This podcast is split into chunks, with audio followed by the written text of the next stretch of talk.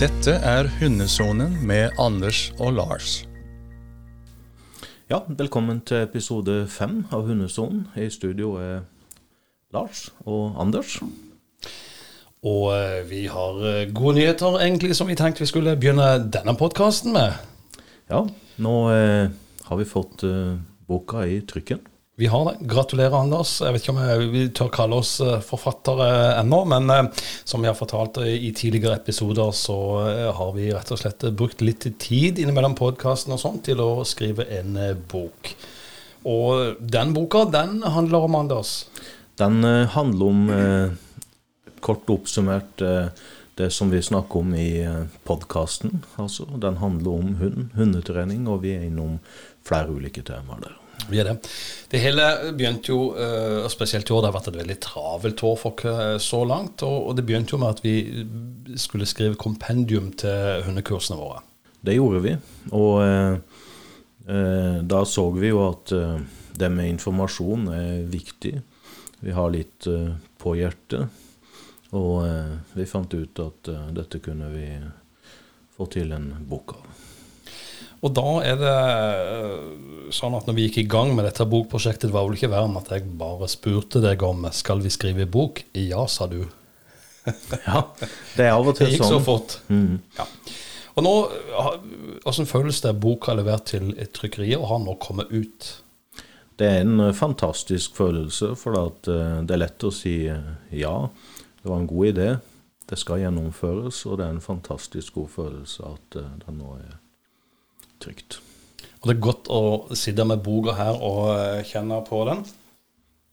Det er det absolutt. Det er en fantastisk eh, følelse, som du sa. Det er, det er eh, fra idé til ferdig. Produkt. Det som jeg har lyst, lyst til å si om akkurat denne boka før vi går videre i podkasten, er at denne boka er kanskje litt annerledes enn mange andre hønebøker, fordi at eh, vi har valgt å ikke legge dette på faguttrykk og forskningsnivå. Det har vi helt klart. Vi har valgt å ta med oss eh, erfaringene våre og prate om erfaringene. Altså dette er hva vi har opplevd i praksis. Og rett og slett også at eh, det skal være enkelt å lese, det skal være enkelt å forstå. Og eh, boka inneholder jo, som du sier, både lydighet, vi er innom spor, vi er innom uh, markering uh, og litt forskjellig. Og så stopper det vel ikke helt der, og dette kan jeg ikke love lytterne nå, men vi går vel og, litt sånn og klør, om ikke akkurat nå, men vi er litt grann om vi skal i gang med en bok til.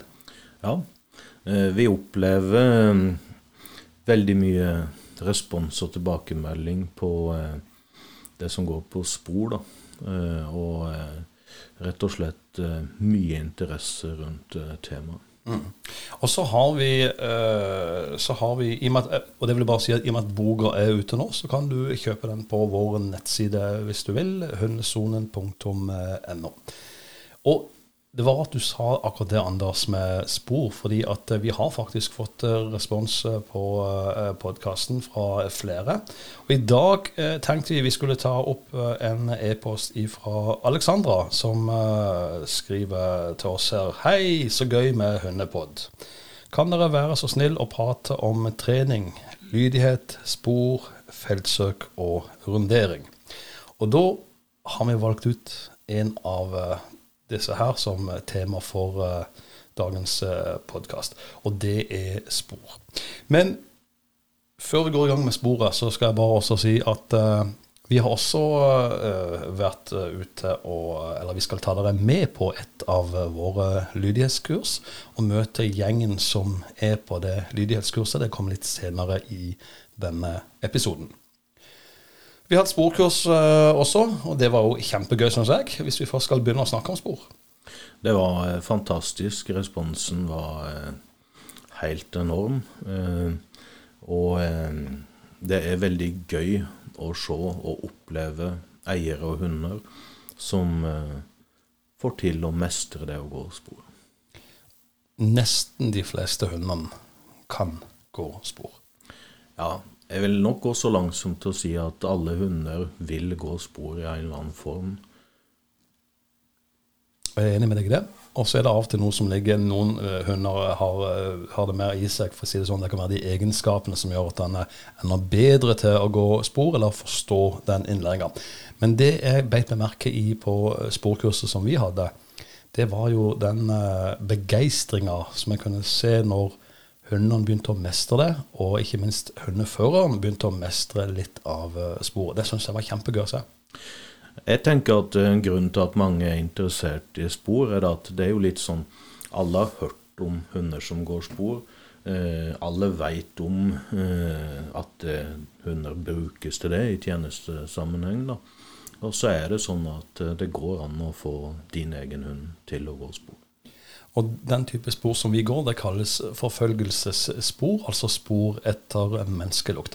Men jeg tenker også I en senere podkast så har jeg lyst, litt lyst til å, å, høre med de som jobber med jakthunder og spor også. Ja, jeg syns det er viktig, øh, og det syns jeg er viktig for lytterne våre, at øh, spor er veldig mye. Spor er også å gå etter dyretråkk. Og det brukes i mange ulike sammenhenger. Det brukes til ettersøkshunder som skal finne skada vilt. Og spor eh, Eh, er, er omfattende og vid disiplin. Men eh, det vi konsentrerer oss om, er som du sa, å gå spor etter eh, mennesker. Og det er det som skjer med de hundene i vårt segment av det som vi snakker om, om det gjelder redningshunder, politihunder, hunder i Forsvaret, og også en rekke konkurranseformer der hunder går spor etter mennesker. Jeg kjenner at jeg ikke er sikker jeg går tom for uh, ord i denne podkasten om spor, for det ligger iallfall eh, nær uh, mitt hjerte, og jeg vet det ligger nær ditt hjerte, gleden ved å gå spor. Vi skal, Alexandra, fortelle litt hvordan vi går fram på iallfall våre kurs og, og, innlæring. Det er jo flere innlæringsformer. Vi velger oss altså menneskespor, og vi har en innlæringsform som handler om godbiter i sporet. Ja. Det finnes uh muligheter til alt ifra at hun uh, får uh, syn på mennesker, at hun direkte begynner å gå spor. Men vi velger altså spor med godbiter i hvert tråkk som innlæring. Og Lars, det er jo en grunn til at vi velger akkurat den metoden. For det første så har han eh, fungert eh, bra for meg, og jeg vet han har fungert også veldig bra for deg. Eh, det er en metode der du kombinerer en belønning med en gang i selve sportråkket.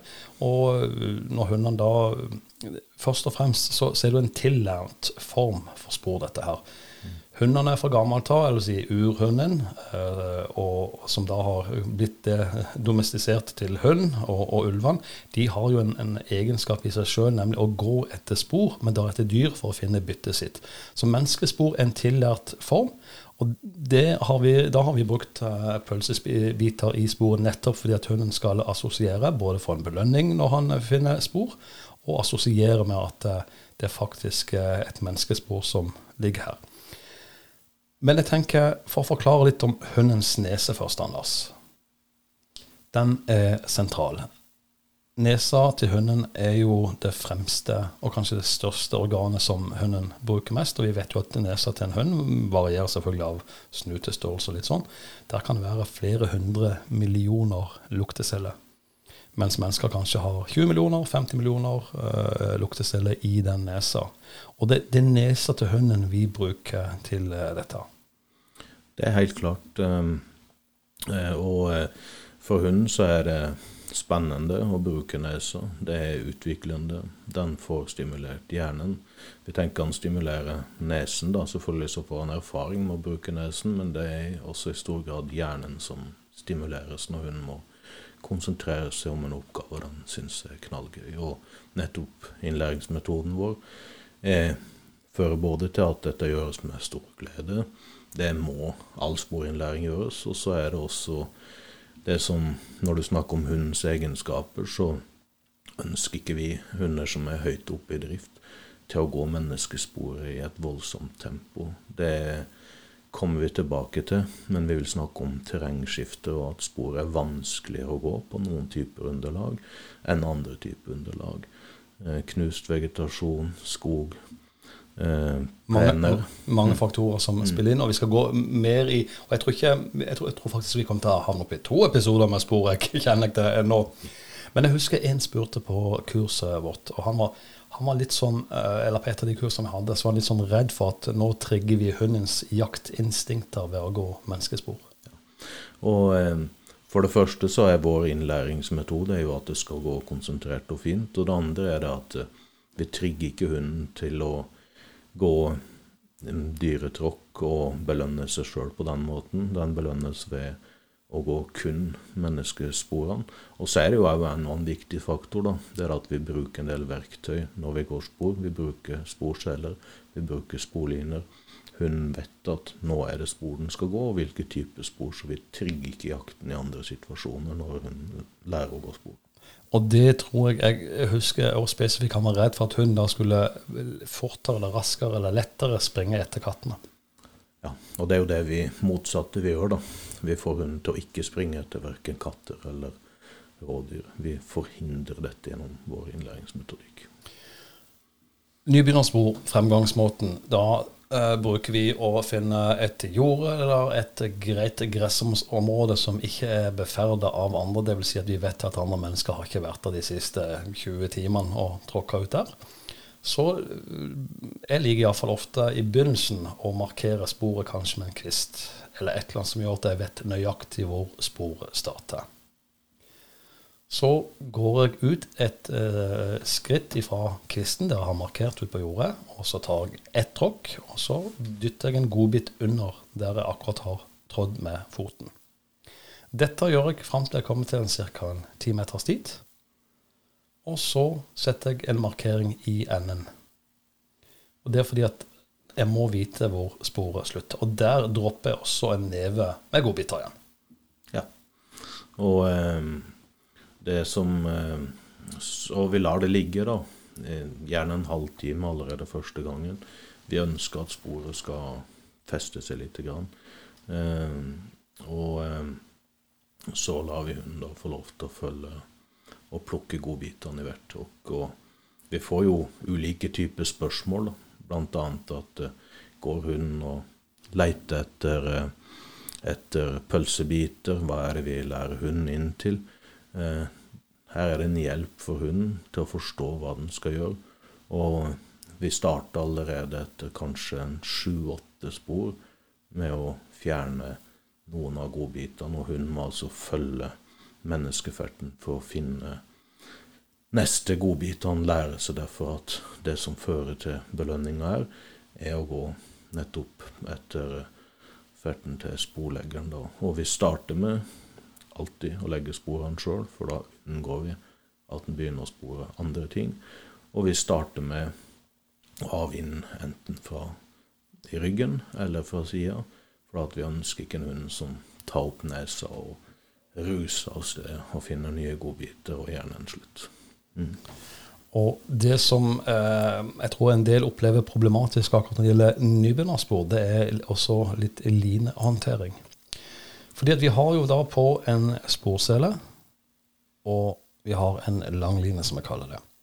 Og den sporselen den bruker jeg ikke til noe annet enn kun spor. For min hund så er det et signal om at nå skal den jobbe, nå skal den gå spor. Og hvis jeg mikser dette veldig mye med jogging eller andre ting, så er det ikke sikkert jeg får den effekten og den forventninga som dette gir på min hund. Og jeg, og jeg, kan se når jeg tar fram sporselen, så begynner han allerede i buret å gire seg opp litt, for han vet ganske nøyaktig hva som skjer. Og det som trigges, iallfall hos min hund, det er jo jaktinstinktet, nysgjerrigheten jaktinstinktet. Og det å komme til endes og finne hva som er i dette sporet. Det er jo målet. Det er målet. Eh, og det er for så vidt målet for hunden å komme til endes. Men eh, akkurat i det at en snakker om hunder som har et stort jaktinstinkt, så er det å gå sporet i seg sjøl veldig stimulerende. Det stimulerer den jakten. Og hunden har stor glede i seg sjøl å gå spor. Og det er derfor vi avslutter med kun noen godbiter i slutten. For at vi ønsker at hunden skal bare kose seg med å gå sjølve sporet. Den skal ikke få en voldsom drift på nå slutten. En elghund som eh, går sporet og eh, får lov til å gå i den elgen etterpå som er skutt, de blir voldsomt stimulert i avslutning og avslutter jakten. Og så vil avslutter jakten mye, mye roligere. Vi gjør det. Vi skal ta steg litt videre, og så sier vi at nå har vi lært hunden, og vi har gått spor kanskje to til tre ganger i uka, og vi har gått et rett spor. Vi kan begynne å legge inn en slangeformasjon, for å si det sånn, på de ti meterne. Og så etter hvert som hunden takler mer, så forlenger vi sporet. Og vi, vi, oss, vi, skal snakke litt om det akkurat nå, eh, om vegetasjon. Eh, fordi at, og Grunnen til at vi velger oss et, et gress eh, for å ha det lavt, det er fordi at eh, det er brytninger i gresset. altså Gresset knuses, for å si det sånn, og dette er enkelt og greit for en hund eh, å jobbe seg fram i. Og det er enkelt og greit å lukte opp disse godbitene.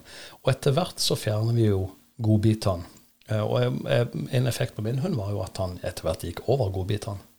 Sporet i seg sjøl, som du sa, det ble belønning nok for hunden. Det gjør det.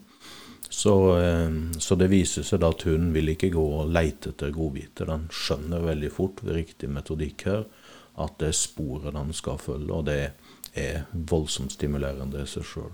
Også det du nevnte i innlæringa, så går vi på slått gress, og det som du sier, vi ønsker at hunden får muligheten til å ha nesen virkelig nede og jobbe i sporet. For hvis du legger dette i høyt gress, så setter du også igjen eh, menneskelukt fra buksa di inne i det kvist eller lyng som ligger 10-20-30 cm over bakken, og da får du en hund som går med hodet oppover. Og det ønsker vi ikke i uh, innlæringa. Du, vi uh, skal ta dere med nå Vi skal komme tilbake til sporinnlæring igjen. vi skal nå ta dere med på et lite kurs som du og meg holdt, et lydighetskurs, Anders. Det skal vi.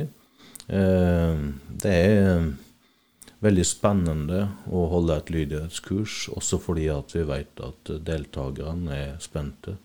Det er flere grunner til det. Dette betyr veldig mye.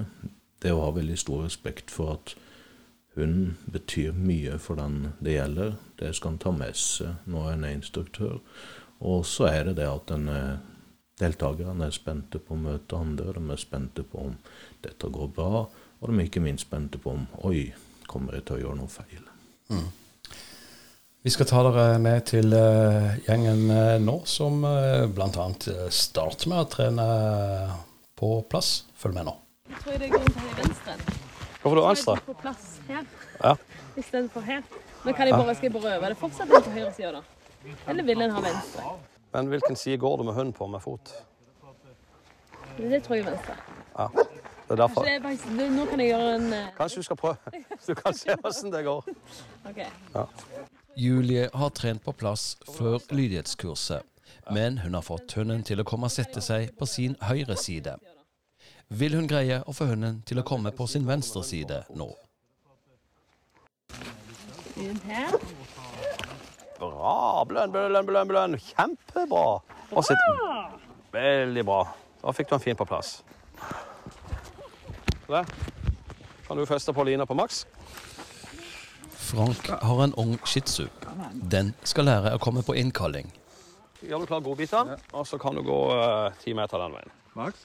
Max? Vis godbit. Max? Max? Og gjør noe gøyere. Kom, an, kom an, Max! Stopp. Kall inn. Kom igjen, Max. Kom. Kom an, Oi, kom igjen. Bra. Flink var du. Var flink, Frank. Flott. Men det er én hund på kurset som er litt engstelig. Den må bli tryggere på oss og de andre som er ute og trener. Men Anders har troen. Ja, Vi får den til å springe, gjør vi ikke det? Ja. Hva tror du trigger den? er Jakten, og så er det jo det at det For den er litt utrygg, da. Sånn at da er det trygt å komme til mor. Altså For den er ikke de andre alternativene så store belønninger, da. Mm, Men allikevel så sier hundeføreren at jo, den er faktisk glad i andre hunder. Ja. Nei, men vi, eh, vi skal ja. få det til. Ja. Jorunn er på lydighetskurs for første gang med sin hund.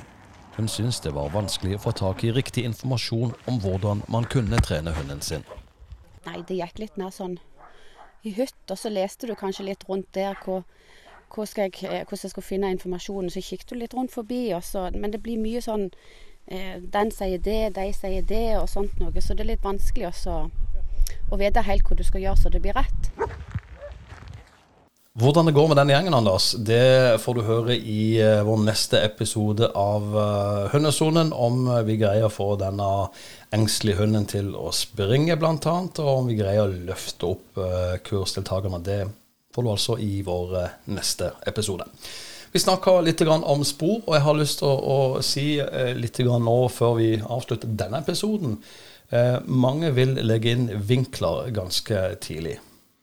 Ja, Eh, vi er ikke så interessert i vinklene. Vi ønsker mer å gå serpentiner eller slangeformasjon, som du sier, og etter hvert legge inn buer i sporet.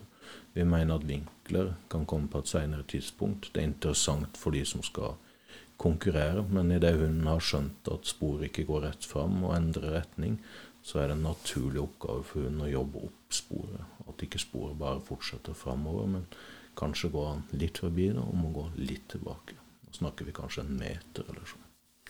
For hvis du legger inn spiss vinkel, så risikerer du faktisk en hund som buser over og forbi hvis han er sterkt interessert. Han mister sporet og lærer seg ikke å jobbe litt tilbake og jobbe rundt uh, sporet. Men hvis du tar en bue og en sving, mm. så når hunden da har gått ut av denne buen eller svingen, mm. så lærer du hunden faktisk at eh, jo, men den er så slak, så han vil gå litt tilbake og så jobbe seg videre på svingen. Og da er du faktisk også i gang med vinkel. Det er det du er. Så da eh, kommer det eh, i akkurat den eh, innlæringa. Det var det vi rakk i uh, denne episoden av uh, Hønesonen. Vi uh, skal snakke mer om spor også i neste episode av Hønesin, Hønesonen? Hønesonen? Hønesonen. Hønesonen. Takk for nå. Ja.